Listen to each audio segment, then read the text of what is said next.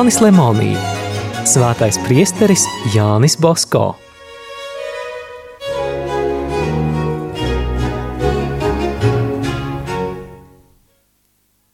Bikts krēslā liecina kardināls Kaljēro. Bosko bija neparasti labs kā pret maziem, tā pret lieliem.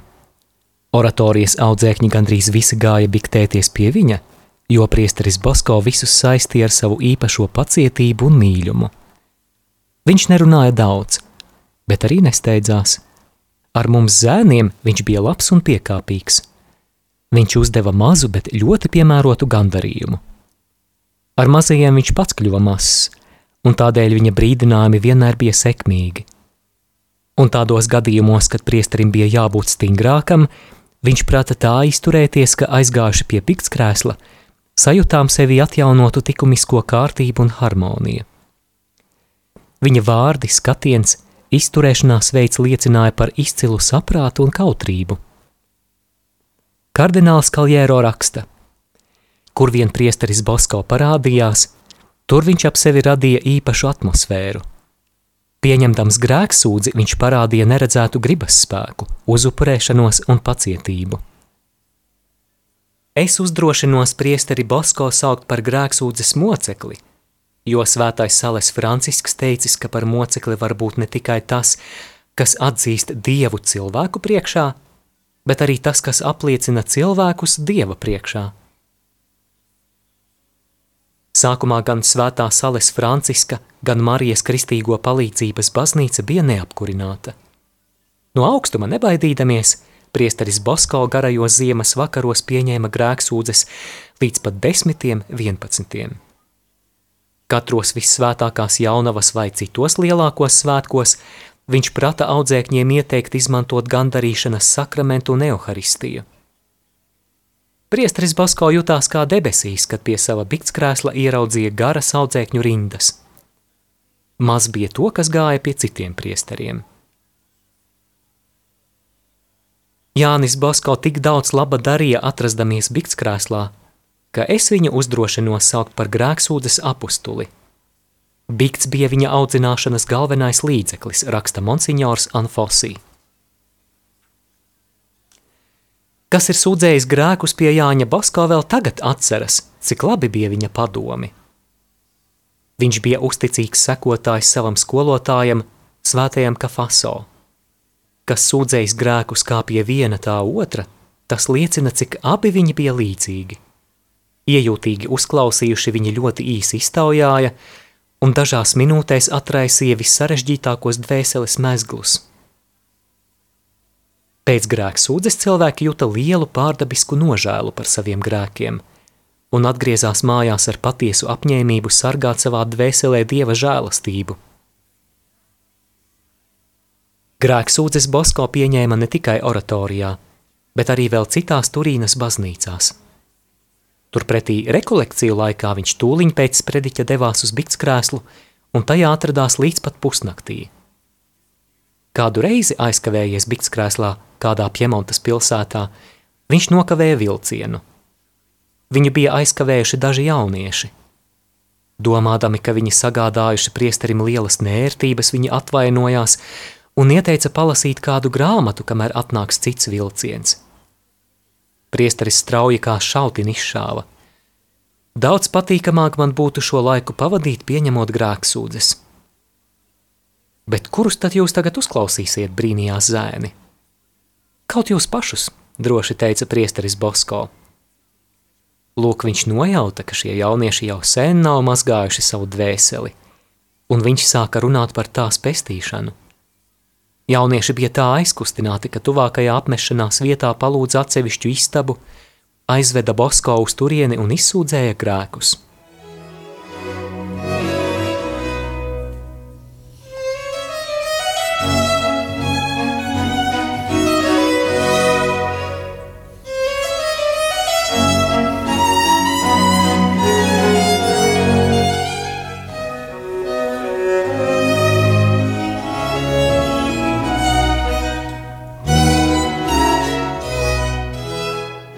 Braukdams uz Verčellī, Kasalī, Astī un citām pilsētām, Bosko vēlējās sēdēt līdzās važonim, lai, rodoties izdevībai, varētu ar viņu parunāt par dvēseles pestīšanu.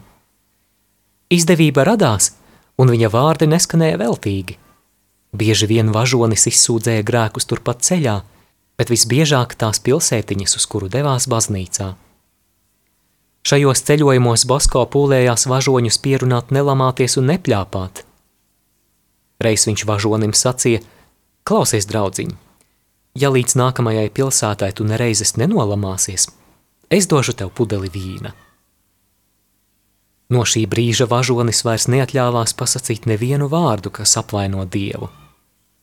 Priesteris Bosko solījumu izpildīja, bet atvadīdamies no braucēja sacīja: Lūk, brāli, ja tādas niecīgas atlīdzības dēļ tu centies sevi pārvarēt, kāpēc tu nevarētu pavisam atradināties neglīti runāt?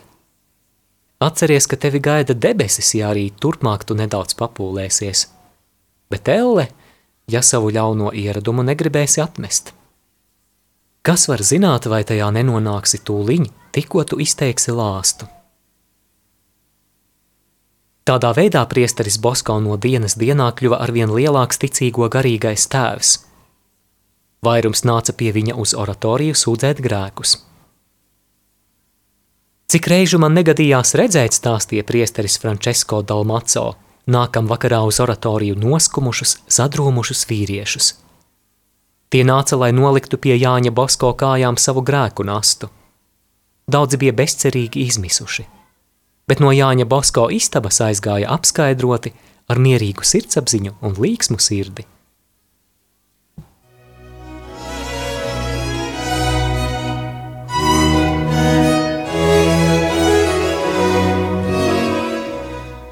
Grēksūdzē priesteris Bosko runāja maz, bet katrs viņa vārds bija kā asmenis, kas atdarīja grēcinieka sirdi.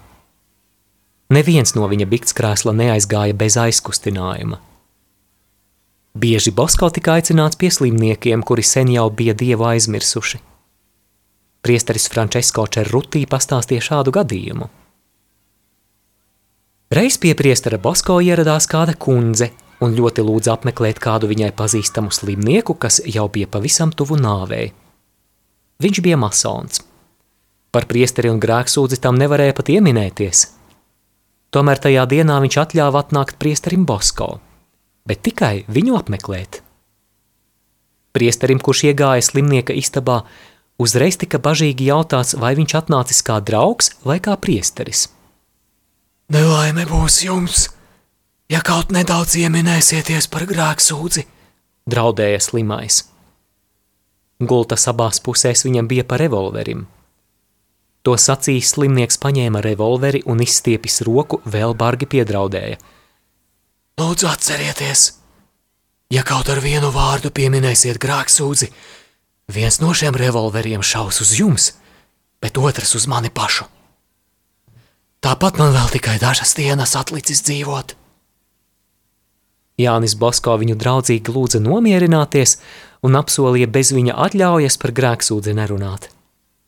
Tā vienojušies, viņi sāka sarunāties kā labi draugi.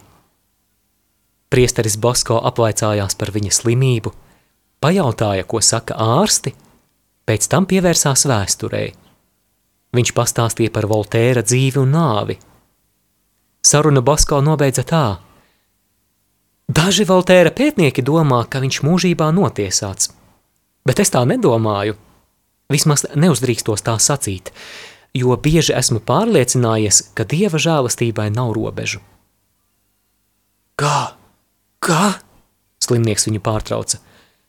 Vai tad var būt vēl cerība, ka arī Voltērs ir izpestīts? Tad esiet tik laipns un pieņemiet arī manu grēksūdzi. Tūliņ Basko viņu sagatavoja un slimnieks izsūdzēja grēkus. Saņēmis absolūciju, slimnieks balsī raudāja un sauca, ka vēl nekad dzīvē viņš nesot jutis tādu mieru kā tagad. Otrā dienā viņš pieņēma svēto komuniju. Vēlāk tieši pirms nāves viņš sasauca savā istabā visus mājiniekus un atvainojās tiem par dusmām un ļauno piemēru. Tomēr saņēmis komuniju, slimnieks pavisam neticami sāk atlapt un vēl nodzīvoja trīs mēnešus. Šai laikā viņa vairāk nekas cits nerūpēja, kā lūgties, gatavoties nāvei un visiem atvainoties par nodarītajām pārestībām.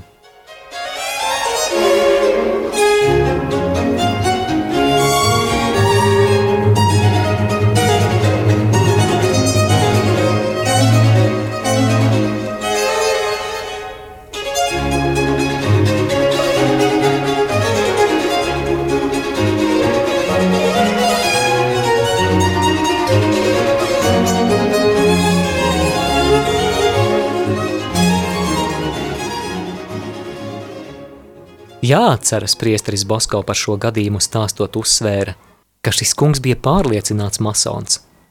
Paldies, paldies Dievam! Priesteris Bosko dziļi ticēja Dieva žēlsirdībai. Šo savu ticību viņš neredzami pārlēja arī citu sirdīs. Tādēļ viņu arī aicināja pie tiem mirstošajiem, kas jau bija citus priesterus atraidījuši. Bet visvairāk viņu aicināja nopietni saslimušie oratorijas audzēkņi – Priesteris Roā liecina, ka zēniem bija patīkami mirt priestera Bosko tuvumā. Bosko mēdza sacīt, priesterim katru brīdi jārūpējas par dvēseļu pestīšanu. Kā? Uzticīgi pildot visus tos pienākumus, kurus uzliek priesterība. Sasniegt mūžīgo laimi, turp vedot dvēseles. Tāpēc Jāņa Bosko domām ietverti visi priestera pienākumi – Sastapis priesteri, Basko to sveicināja. Salve, salvando, salvati! Tas ir sveicināts, citus ganīdams, gani arī savu dvēseli. 1878. gadā Bosko kādam prāvestam, kas gribēja atsacīties no draudzes vadīšanas, rakstīja: Par draudzes atstāšanu pat nerunā. Tev daudz darba? Kas par to? Mirsi darba laukā kā labs Kristus karavīrs maz vari paveikt, es visu varu tajā, kas mani stiprina. Ir ērkšķi? Atceries, ka no šiem ērkšķiem, pārvērstiem rozēs, debesīs eņģeļi tev nopīs slavas vainagu. Grūti laiki? Vienmēr tādi bijuši, tādi būs, bet Dievs nekad savējos neatstāja. Kristus tas pats vakar un šodien. Tu lūdz padomu, tad lūk šeit tas ir – sevišķi rūpējies par bērniem, vecajiem un slimajiem. Tad redzēsi, ka visu sirdis būs tavas.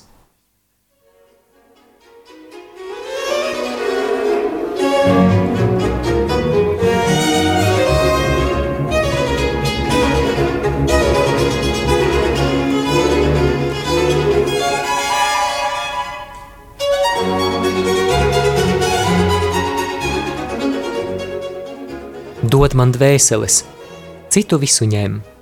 Dod jauniešu, veco cilvēku grūdieņu, visu cilvēku dvēseles. Tikai dvēseles, vairāk nekā.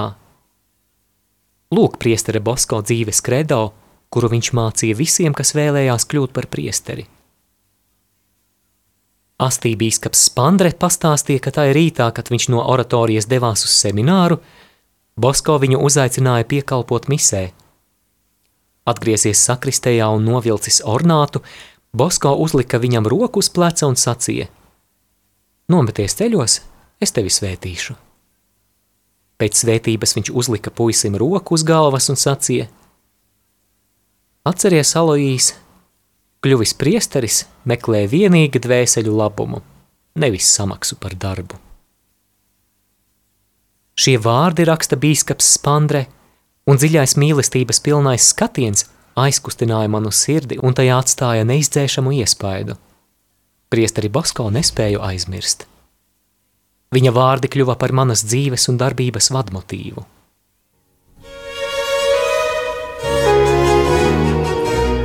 Izskanēja lasījums no Jāņa Lemonija grāmatas Svētais priesteris Jānis Bosko.